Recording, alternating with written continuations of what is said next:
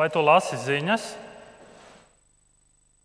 Tu lasi ziņas, vai kāds no jums ir kāds, kurš varbūt abonē avīzi un lasa tikai ziņas avīzē?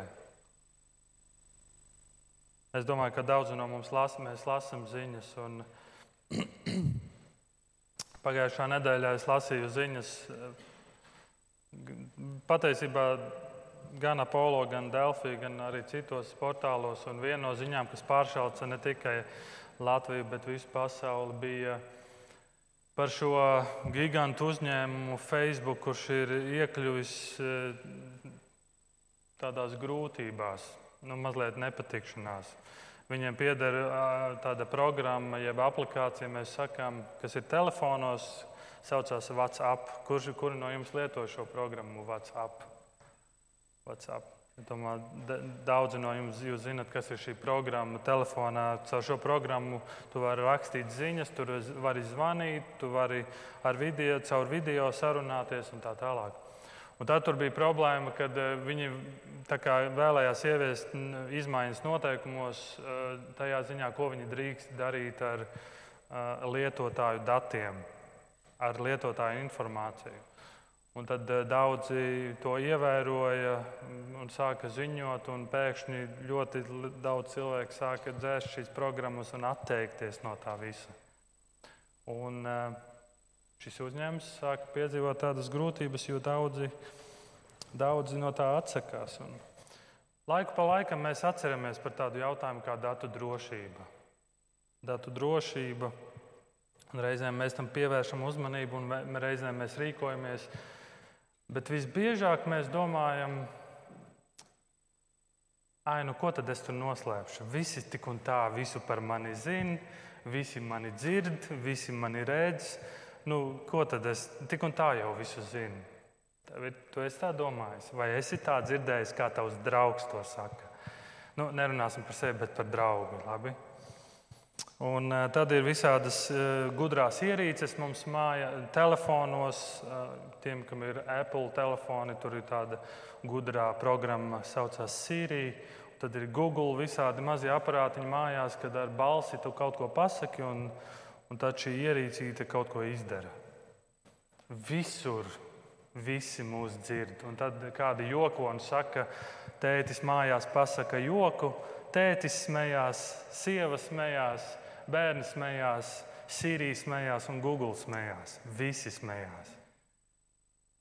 Reizēm uzņē, šie lielie uzņēmumi notiek, eh, šiem lieliem uzņēmumiem notiek visādi tiesas procesi par šo datu drošību. Un šodien es gribu domāt par kādu tiesu un kādiem citiem datu drošības jautājumiem. Cik droši ir mūsu dati?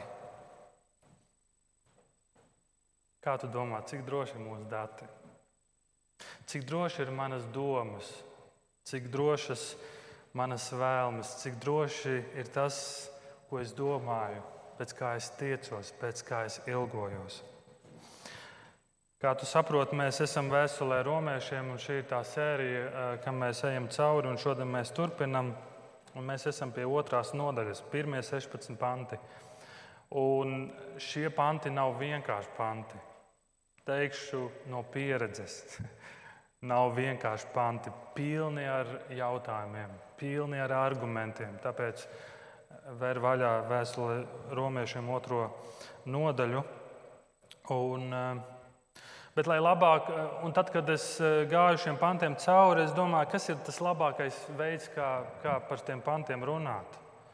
Un, un tikai tāpēc ir iemesls, kāpēc es šo svētru, šai svētdienai esmu tādus četrus punktus iedevis, lai mēs spētu vismaz labāk, es ceru, labāk uztvert un saprast. Un šodien par četriem punktiem. Pirmais - reliģijas neveiksme, otrais - dieva atmaksa, trešais - dieva standarts un ceturtais - dieva labestība. Bet šodienas lielais jautājums, uz ko es centīšos atbildēt, ir, kas ir dieva tiesas standarts? Kas ir tas Dieva standarts, kad mēs stāsimies tiesas dienā? Romiešiem otrā nodaļa, pirmais pants. Tādēļ cilvēki, tu, kas tiesā citu, tev pašam nav ar ko aizbildināties. Par ko tu tiesā citu, par to tu notiesā pats sevi, jo tiesātājs būdams, tu dari to pašu.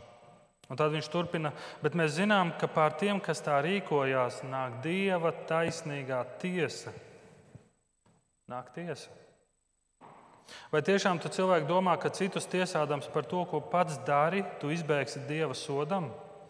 Vai varbūt tu nicini viņa labestības, pacietības un lēnprātības bagātību, nesaprastams, ka dieva labestība tevi vada uz atgriešanos? Pirmais pants sākas ar vārdiņu tādēļ. Un tiklīdz tu dzirdi vārdu tādēļ, tu saproti, ok, šis ir turpinājums kaut kam, kas ir bijis. Un tāpēc ir svarīgi, ka mēs atgriežamies un paskatāmies, kas tad ir bijis.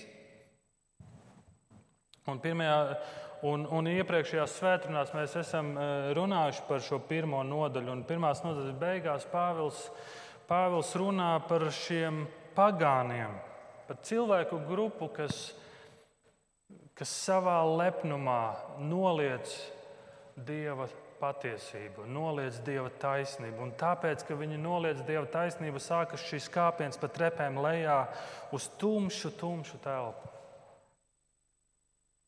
Viņi noliedz, un tāpēc, ka viņi noliedz, viņi nododas visādiem elku dieviem, viņi pielūdz dažādus elkus.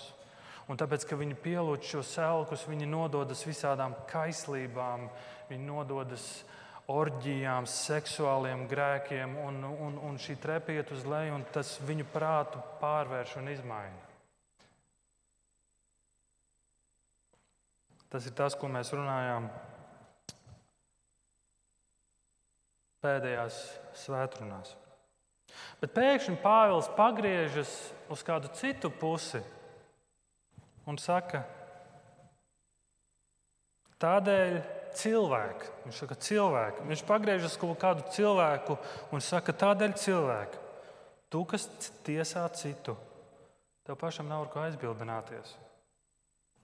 Par ko tu tiesā citu, par to tu notiesā pats sevi, jo tiesātājs būdams, tu dari to pašu. Viņš pagriežas pēkšņi uz, uz šo cilvēku un viņš saka,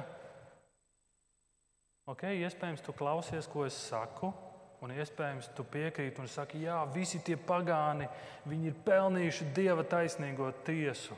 Un Pāvils pagriežas pret viņu un saka, bet tiesādams, tu dari to pašu. Un tu domā, ka tu izbēgsi no Dieva taisnīgās tiesas? Kas ir šis cilvēks, uz ko Pāvils pagriežas? Šis cilvēks cenšas dzīvot morāli pareizu dzīvi. Viņš cenšas būt labs. Viņš domā, ka ir labs, viņš domā, ka ir labāks. Viņš nepielūdz koka elkus kā šie pagāni, Šis cilvēks cenšas būt labs pilsonis, ievērot likumus. Es domāju, ka šis cilvēks di zina dieva likumus. Viņi tiesā, viņi nosoda, un viņi dara to tik ātri, ka pat nepaspēja paskatīties uz sevi. Pazīstama situācija, vai ne? Ka mēs tik ātri notiesājam otru, ka mēs pirms mēs notiesājam, mēs nepaspējam palūkoties uz sevi. Un Pāvils saka, tu tiesā, bet nemaz nepamani, ka pats dari tieši to pašu. To pašu tu gribi teikt, mēs nodarbojamies ar šīm orģijām un, un seksuāliem grēkiem un pielūdzam elkus kā šie pagāni. Nē, tu esi tikpat vainīgs Dieva priekšā. Tev varbūt nav rokās elki, kurus tu vari pārnēsāt, bet tavā sirdī ir elke.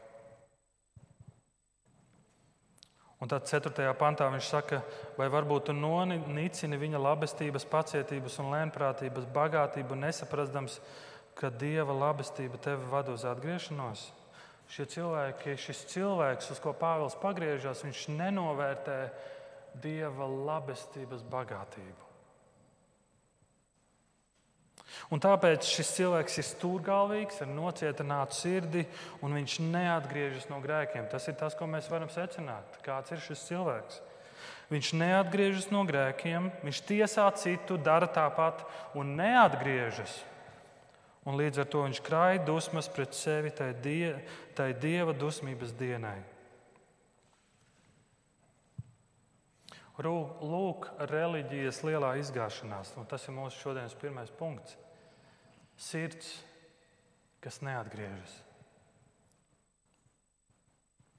Kāda pasniedzēja studentiem auditorijā uzdeva mājas darbu un teica, jūsu mājas darbs ir izlasīt eh, Jēzus kalna svētrumu.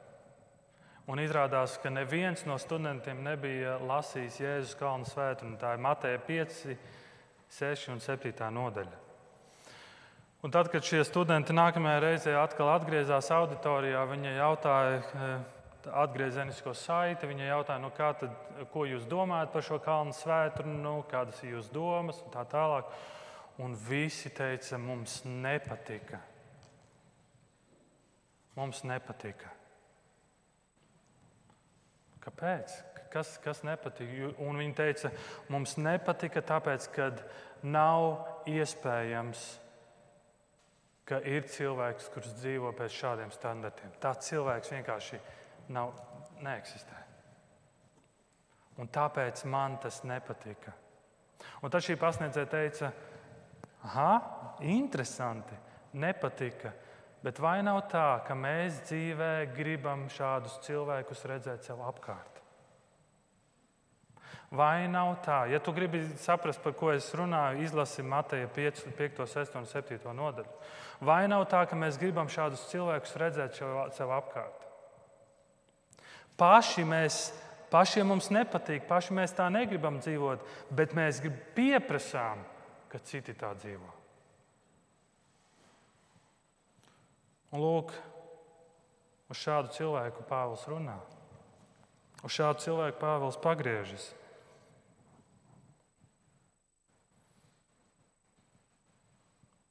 Mēs visi stāsimies Dieva tiesas priekšā. Un kas tad būs šīs tiesas priekšā? Tu saņemsi dieva atmaksu. Tā būs diena, kad visas, visas apsūdzības, kuras tu teici par pagāniem, tiks vērstas pret tevi, cilvēki. Kā tu justos? Padomā tā godi, kā tu justos, ja pēkšņi visas tavas WhatsApp ziņas, zvani, video zvani, pēkšņi kāds nopublicētu internetā.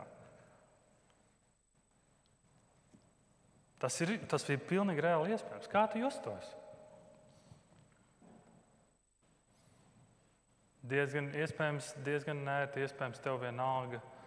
Bet vai tad mēs neesam tie, kas sakam, nu, mums jau vienalga, tik un tā mūs klausās? Bet mēs stāsimies Dieva tiesas priekšā, kur viss tiks redzams, viss tiks atklāts. Un Bībele ir tik unikāla grāmata, jo man patīk, ka Bībele izskaidro pati sevi. Un, Lūkas 15. nodaļā Jēzus saka līdzību par pazudušo dēlu. Atcerieties, ja neatceries, izlasi Lūkas 15. nodaļu. Svētdiena ir piemērots laiks tam. Un viņš runā par līdzību par pazudušo dēlu tēvam, kuram bija divi dēli. Jaunākais aizgāja no mājām, dzēra, nodevās elkiem un seksuālām iekārēm un orģijām, notrieca naudu un notrieca savu dzīvi. Un tad bija otrais brālis. Mēs varētu teikt, šis pareizais, šis reliģiozais, kurš palika pie tēva mājās. Romiešiem pirmā nodaļa ir par šo jaunāko brāli, kurš notrieca visu savu dzīvi. Romiešiem otrā nodaļa ir šis brālis, kurš ir pareizs. Un, starp citu, šīs līdzības beigās mēs neredzam, mēs nezinām, kāda ir šī brāļa reakcija. Jeb vai viņš atgriežas vai nē. Bet šis brālis otrajā nodaļā domā, ka viņš ir bijis pie tēva, viņš ir darījis labas lietas, labus darbus, un tāpēc es esmu pelnījis dieva labvēlību. Tāpēc es esmu pelnījis Dieva svētību, tāpēc es esmu pelnījis Dieva glābšanu. Bībele ir unikāla grāmata, vai ne? Un tāpēc šis otrais punkts, Romiešiem otrā nodaļa, sestais pants, saka, un viņš atmaksās ikvienam pēc viņa darbiem.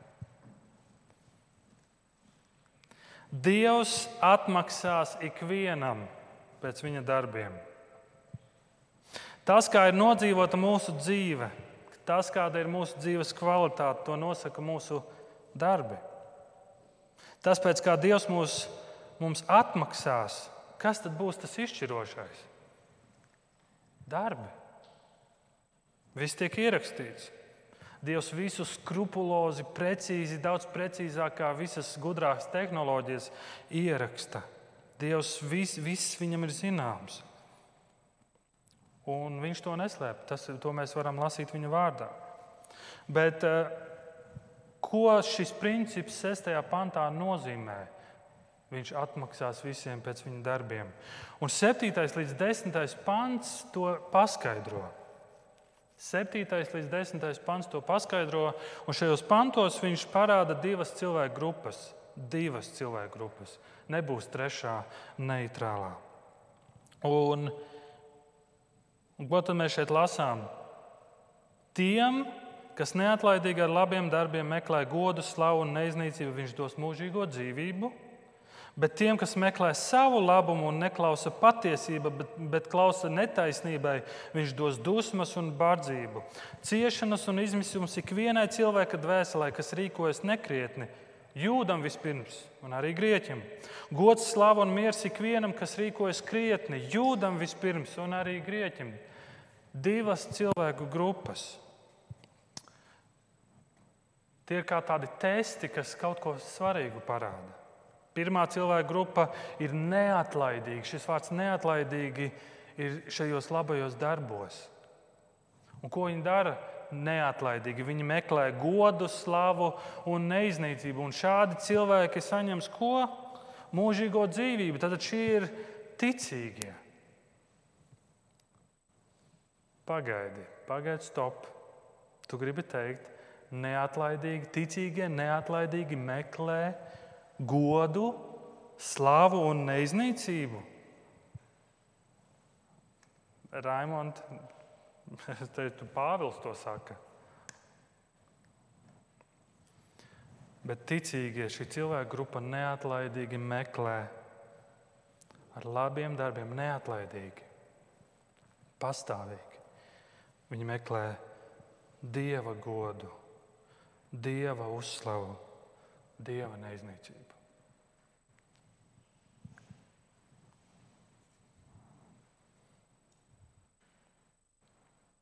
Romiešiem 5, 5. nodaļa, 2. pants. Caur viņu mēs ticībā esam mantojuši ceļu uz šo žēlastību, kurā mēs stāvam un lepojamies par cerību uz dievišķo godību. Mēs tagad uz kaut kā stāvam. Mēs tagad varam lepoties par cerību uz dievišķo godību. Tas nozīmē, ka ticīgais dzīvo savu dzīvi, un viņš zina, ka būs tiesas diena. Viņš zina, ka mēs visi stāsimies Dieva priekšā, un viņš skatās, un viņš, visu, ko viņš savā dzīvē dara, viņš grib Dieva godu, viņš di grib Dieva atalgumu. Viņš grib, viņam ir svarīgi tas, ko Dievs par viņu domā. Ticīgais meklē slavu. Nevis savu slavu, bet Dieva uzslavu. Mateja 25, 23. Viņa kungs tam sacīja: Labi, mans krietnais un uzticamais kalps, tu esi bijis uzticams mazās lietās, es tevi iecelšu par lielajām, ieej savā kunga priekā. Un ticīgais meklē neiznīcību, ticīgais gaida uz augšām celšanos, un viņš cer uz Dieva apsolījumu. Šāds iemanto Šādiem Dievs dos mūžīgo dzīvību. Otrā grupa ir cilvēku grupa, kas meklē savu labumu. Un šeit, saprotiet, nav pagāni un jūdi. Šeit ir ticīgs un neticīgs. Un šī otrā grupa meklē savu labumu, viņi neklausa patiesībai, viņi klausa nepatiesībai, šī, šāds cilvēks dzīvo sev, noliec patiesību, bēg no evaņģēlija, dara, dzīvo un dara, ko grib, ar ko grib, kam grib un kā grib. Viss ir sev, viss ir sev. Un kādu samaksu saņem šis cilvēks? Dusmas un bardzību.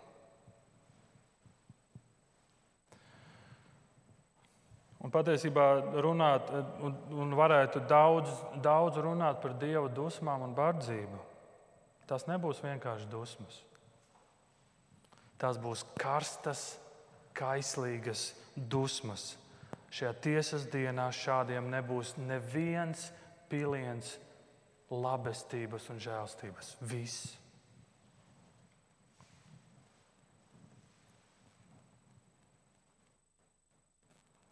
Un šeit ir rakstīts, ka šādi cilvēki krāja dusmas pret sevi tajā dieva dusmības dienai. Es nekad tā nebiju iedomājies, ka es tiesas dienai varu krāt dusmas.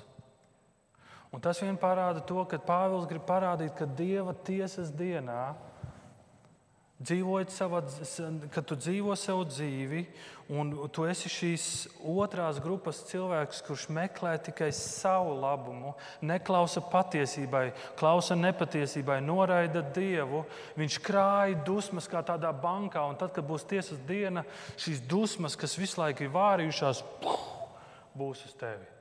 Daudz cilvēku, es esmu dzirdējis cilvēkus sakām, nu, ja es esmu vienreiz grēkojis, tad jau tas neskaitās, es tik un tā nonākšu ellē, tad es tikai grēkošu. Nop. Katru reizi tu krāji dieva dusmas.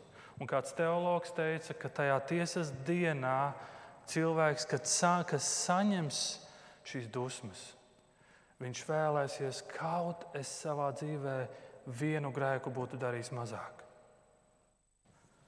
Tik nopietni tas ir. Kaut es vienu grēku būtu darījis mazāk, jo tas ir tik, tik smagi, tik sāpīgi, ka kaut es vienu varētu noņemt no, lai tas būtu vieglāk.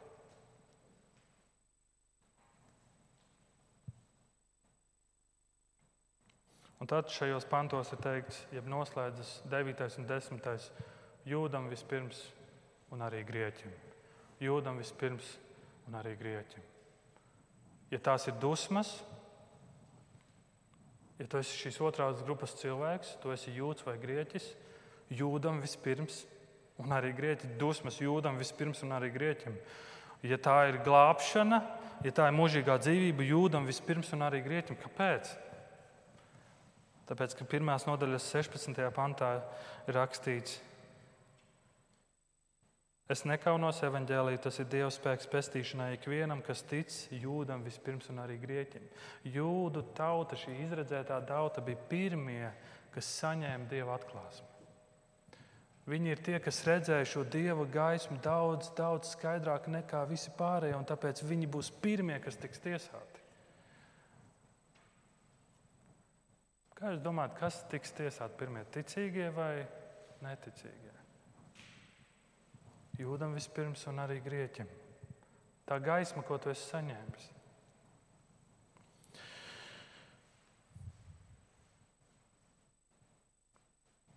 Dievs un Viņš atmaksās ikvienam pēc viņa darbiem. Jūdam vispirms un arī grieķim.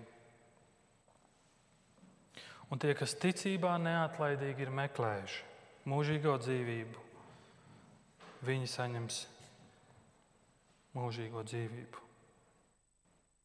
Ko Pāvils grib pateikt? Svarīgi nav tas, kas tu esi. Svarīgi ir tas, ko tu dari. Nav svarīgs tavs status, vai tu esi jūds vai grieķis. Nav svarīga ģimene vai tautība. Svarīgi ir tas, ko tu dari.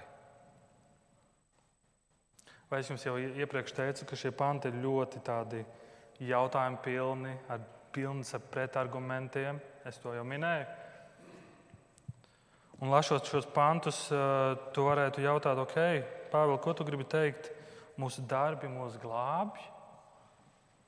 Dievs atmaksās ikvienam pēc viņa darbiem.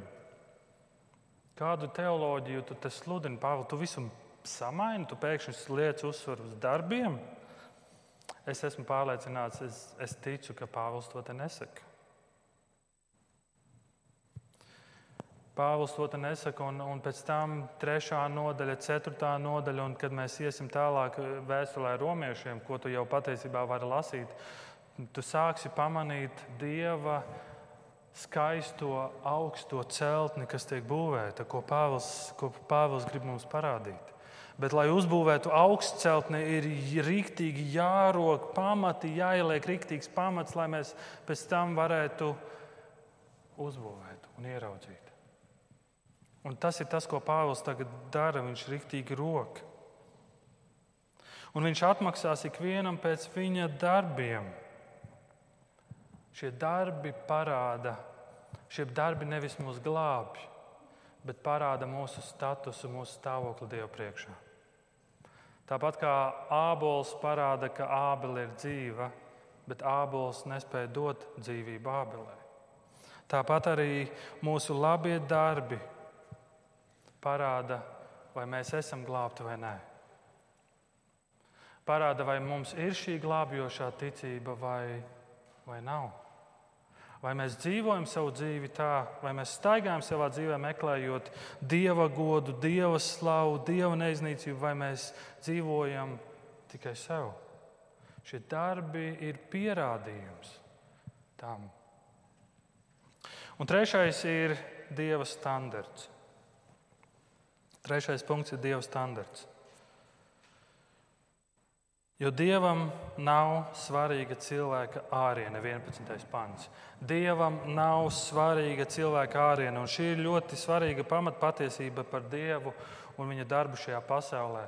Dievs ir bezparteisks Dievs, gudrs vārds. Viņš pret visiem ir vienāds. Bet kā tas sanāk? 12. līdz 15. pants. Kas grēkoši bauslību nepazīdami, bez bauslības ies bojā, bet kas grēkoši zem bauslības būdami, pēc bauslības tiks tiesāti. 13. pants. Jo ne jau tie, kas bauslību klausās, ir taisni Dieva priekšā, bet bauslības turētāji tiks attaisnoti. Bauslības turētāji tiks attaisnoti.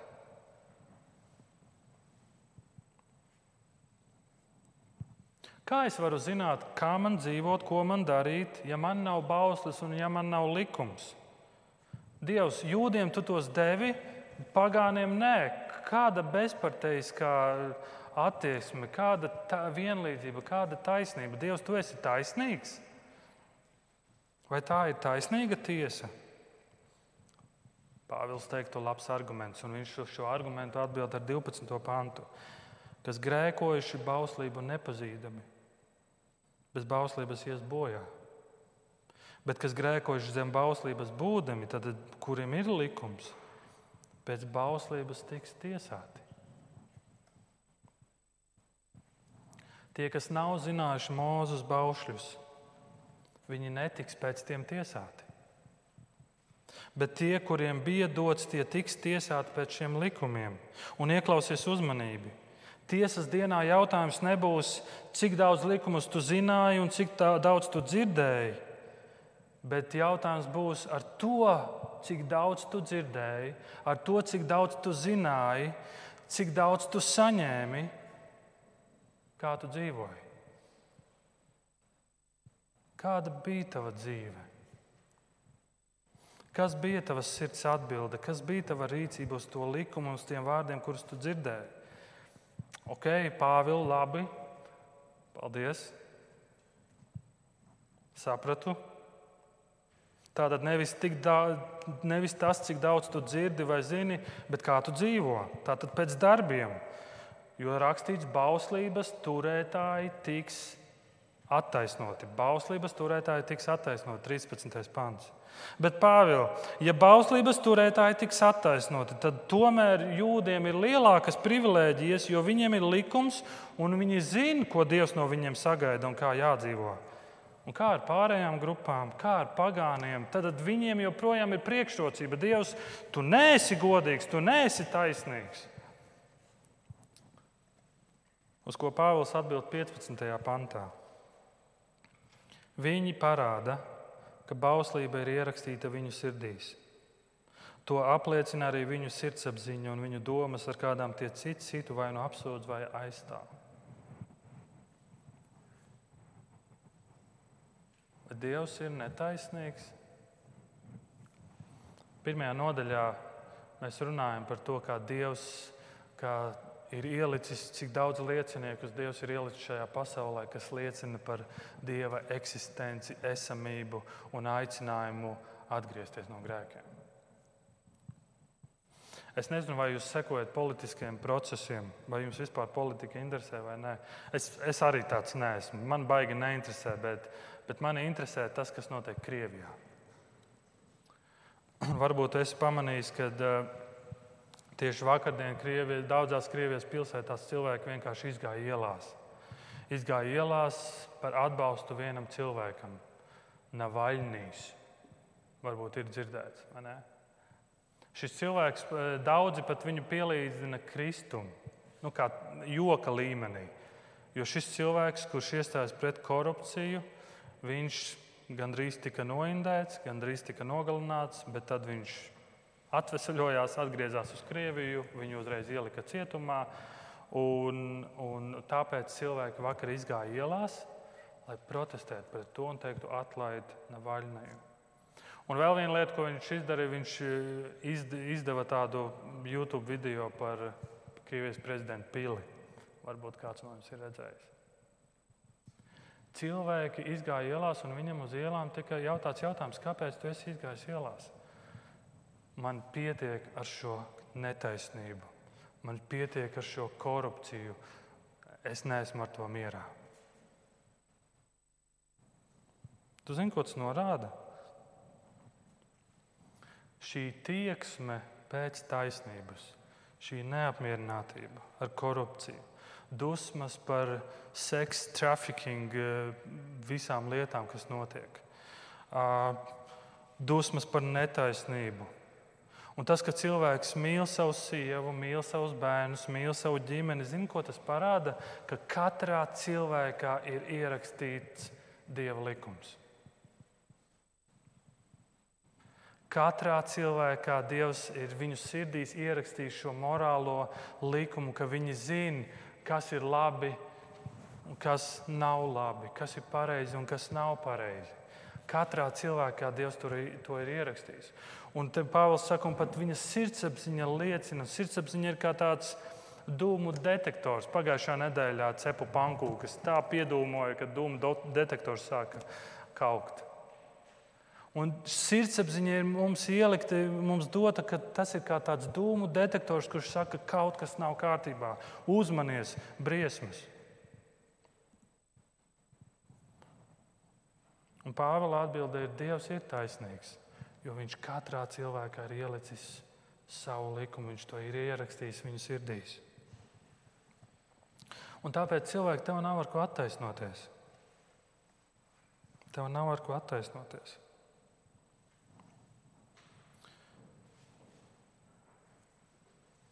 Bet ko tad 13. pants pasaka Pāvilam? Bauslības turētāji tiks attaisnoti. Jēkab vēstulē otrajā nodaļā mēs lasām, ka ja tu pārkāp kaut vienu bausli, tu esi pārkāpis visu bauslību. Okay, bet bauslības turētāji tiks attaisnoti. Vai kāds vispār var tajā kategorijā būt? Šeit Pāvils nesaka, ka caur bauslības turēšanu tu tiksi glābts. Bet Pāvils saka, šie ir cilvēki, kuru dzīve stāvoklis šobrīd ir tāds, ka viņi ir pielīdzināmi kā bauslības turētājiem. Un pēc kā Dievs arī atmaksās pēdējā tiesas dienā. Šis nesaka par to, ka caur bauslības turēšanu tu tiksi glābts. Bet šis ir stāvoklis, kad stāvoklis, kas norāda uz tagad, vai tu esi tāds Vai tu neesi tāds? Ko es ar to domāju? Pāvila vēstule Filipiešiem 2. nodaļa, 13. pants. Starp citu, piekdienas lozungos šis pants bija. Varbūt kāds no jums lasa lozungus. Un, un pamanīja. Un tur rakstīts, Dievs ir tas, kas pēc savas labās gribas rosina gan jūsu gribēšanu, gan darbošanos. Jūsu gribēšanu un darbošanos. Mūsos ir kaut kas tāds, ticīgajos ir tāds, kas rosina mūsu gribēšanu un darbošanos. Un kad Kristus ienāk cilvēka dzīvē ar svētā gara spēku, caur ticību evaņģēliem, šis cilvēks kļūst par likuma darītāju. Šis cilvēks nav perfekts. Bet viņš meklē dieva godu, viņš meklē dieva likumus, viņš uzticās dievam. Romiešiem 8. nodaļa, 3 līdz 4. Tā kā bauslība miesas dēļ bija nespēcīga un to nespēja, Dievs grēka dēļ ir sūtījis savu dēlu grēcīgās miesas veidolā, un tā miesā grēku ir notiesājis, lai bauslības taisnība tiktu piepildīta mūsos, kas dzīvojam nevis pēc miesas, bet pēc gara. Tikai Kristū mēs spējam un varam dzīvot šajos darbos, ko Viņš iepriekš jau ir paredzējis. Tikai Kristus ir tas, Jāņa 15. nodaļa saka, ja tu paliec manos vārdos, ja tu paliec manī,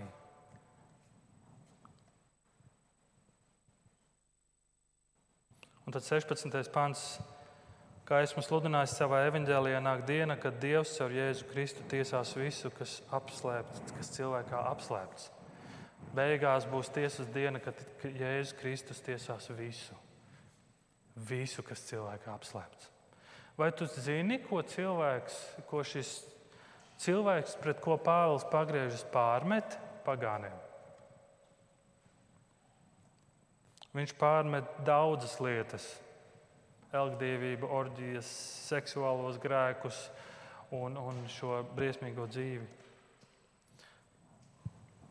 Bet div, pirmās nodaļas 29. pants ir rakstīts, Tie ir pārpilni visādas netaisnības, negantības, alkatības, ļaunuma, pilni skaudības, slepkavības, ķildu, viltības, ļaunprātības, mēlnesības, aprunāšanas, naida pret dievu, nekaunības, uzpūtības. Visas ir iekšējās lietas, visas ir lietas, ko mēs ārēji nevarētu redzēt. Un 16. pants Kristus nāks tiesās un atklās visu, kas cilvēkā apslēpts. Tas ir kā Google vai Facebook vai jebkāda tehnoloģija, kas ieraksta visu, bet šeit visu apslēpto. Kas cilvēkā atklāts? 1970. gadā tika sarakstīta grāmata, kas bija baigais bestsellers. Amerikā. Autors bija Tomas Harris grāmatas nosaukums Ar mani viss ir kārtībā, ar tevi viss ir kārtībā. I'm ok, you're ok. Un tas bija tāds pašpalīdzības materiāls, kā rezultātā vesela kustība aizsākās. 1990. gadā kāda sieviete, Wendy Kaminer, par šo kustību uzrakstīja grāmatu, kas bija kā tāda kritika vērsta pret šo kustību. Grāmatas nosaukums Es esmu disfunkcionāls, tu esi disfunkcionāls. Un viņas mērķis bija parādīt, cik šī kustība bija narcistiska. Un viņa raksta, uz kā pamata tu vari apgalvot, ka ar tevi un mani viss ir kārtībā, un ka ar mums visiem viss ir kārtībā. Bet visapkārt pasaulē tiek izlietas nevainīgas asinis, kas brēc pēc taisnas tiesas genocīds, terorisms un visas briesmīgas lietas. Uz kā pamata tu vari teikt, ka tā ir mentāla veselība, apgalvot, ka ar mums viss ir kārtībā? Tā ir muļķība, tas ir narcisms. Citāta beigas. Kad viņa bija uzrakstījusi šo grāmatu, pagāja desmit gadi, un viņa sarakstīja jaunu grāmatu, kuras nosaukums bija Grūtā pareizība. Un pamats šai grāmatai bija tas, ka viņa pamanīja, kā cilvēki sāka mainīt savas domas. Tagad cilvēks teica, jā, tur ārā un visapkārt ir ļaunums, un tāpēc mums ir jāatjauno nāves sots. Mums ir jāiet karā, Tas, ko šī autora pamanīja, ka visi šie cilvēki apgalvo, ar mani viss ir kārtībā, bet ar visiem pārējiem nav kārtībā. Un The New York Times šai grāmatai deva tādu kā apakšvirsrakstu: Ar mani viss ir kārtībā, un ar tevi pat ne tuvu nav nekas kārtībā. Un tas, ko šī rakstniece raksta savā grāmatā, narcisms ir apgalvot, ka ar mani un tevi viss ir kārtībā. Bet apgalvojums, ka ar mani viss ir kārtībā, bet ar visiem citiem ir slikti, tas ir tas, kā koncentrācijas nometnes veidojās. Viņas secinājums tas ir morālisms, un tas ir tikpat ļauni kā narcisms. Un tāpēc šis pēdējais punkts - dieva labestība. Un, ja jūs sekojāt, jūs varētu teikt, Raimond, tu izlaidi 4. pantu, tu neapstājies pie šī panta. Un 4. pants saka, vai var būt, tu nicini viņa labestības, pacietības un lēnprātības bagātību, nesaprastams, ka dieva labestība tevi vada uz atgriešanos? Daudzi cilvēki šodien tic, ka Dievs ir mīlestība. Un, ja Dievs ir mīlestība, Viņš noteikti nevienu neiemetīs ellē. Jo Dievs taču ir mīlestība. Bet Pāvils saka, tu nesaproti. Dieva labestība ir, lai tevi vestu uz atgriešanos.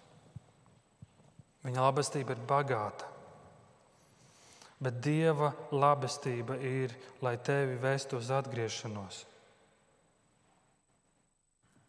Dievs mums atmaksās pēc mūsu labiem darbiem.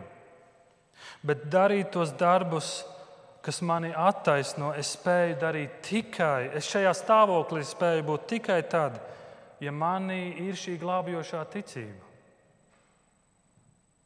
Kristus mani spēja nolikt tikai šajā stāvoklī, tikai tad, ja es caur ticību esmu ticējis Kristum un esmu pieņēmis viņu savā dzīvēm. Bet šīs glābjošās ticības neatņemama sastāvdaļa ir atgriešanās, tā ir grēku nožēla. Jēkabā otrā nodaļā rakstīts, ticība bez darbiem ir nedzīva. Arī dēmoni tic un drēb, bet viņiem nav šī glābjošā ticība. Dēmoni zina daudz vairāk. Viņi tic un drēb, bet viņiem nav šī glābjošā ticība. Kad Jānis Kristītājs sāk savu kalpošanu, ar ko viņš sāk, viņš saka, atgriezieties no saviem grēkiem. Jēzus sāk savu kalpošanu, viņš sāk atgriezties no saviem grēkiem. Es teicu, romiešiem pirmā nodaļa ir pazudu jaunākais brālis, romiešiem otrā nodaļa ir vecākais brālis. Un tad es varētu teikt, romiešiem pirmā nodaļa ir sieviete pie akas, kuru Jēzus sastopas. Un viņa saka, dod man šo ūdeni. Viņa runā ar Jēzu, un viņa redz, tu esi pravietis. Viņa saka, dod man šo ūdeni. Un kāda būtu tava atbilde? Okay, kopā lūksim, un lai Dievs dod šo ūdeni. Jēzus pirmā reakcija ir, cik vīri tavā dzīvē? Jeb aizej un pasauc savu vīru. Un viņš saka, man pieci vīri ir bijuši. Un šis, ar ko es dzīvoju, nav mans vīrs. Jēzus ķēras pie grēka, nožēlo, atgriezies. Jāņa trešā nodaļa pie Jēzus naktī nāk Nikodēms. Un, un Nikodēms nāk ar visādiem jautājumiem, tā kā grib mēģināt šo sarunu uzsākt. Un Jēzus pēkšņi maina sarunu. Viņš saka, ja tu nepiedzimsi no augšienes, tev neredzēt Dieva valstību. Atgriezies. Un tas jautājums ir, kā ir ar tavu sirdi, kā ir ar manu sirdi. Mēs cilvēki skatāmies uz ārieni. Tas ir mūsu standarts. Bet Dievs tiesas standarts ir, Viņš neskatās uz ārieni. Dievam nav svarīga cilvēka āriene. Viņš skatās uz sirdi. Tava sirds esi tu, tā ir tava dvēsele, tavs prāts, tavas vēlmes. Tas ir viss. Es neredzu tavu sirdi, bet Dievs to redz. Kristietība ir ticība, kas sākas ar sirdi. Kristietība ir kaut kas, kas sākas ar iekšieni. Āriene darbi seko pēc tam. Darbi ir kā pierādījums, vai man ir šī glābjošā ticība vai, vai nav.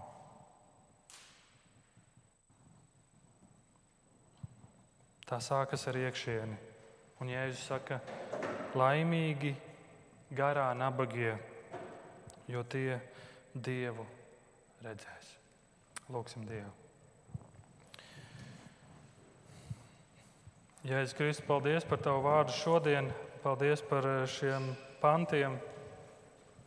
Paldies par to, ko Tu mums atgādini. Un, un es ļoti lūdzu, palīdzi, lai mūsu sirds ir sirds, kas atgriežas. Palīdzi, lai mūsu sirds ir sirds, kas atgriežas. Un atgriežas katru dienu. Atgriežas pie Tevis, lai mūsu sirds ir tā, kas atgriežas un atgādina sev, kāpēc mēs esam tādā stāvoklī, kādā mēs esam. Un tas nav mūsu darba nopelns, bet tas viss ir tavs nopelns. Un tava darba nopelna dēļ tu vēl mūs vēlēsi atalgot. Paldies, Tev, Jēzus, par to.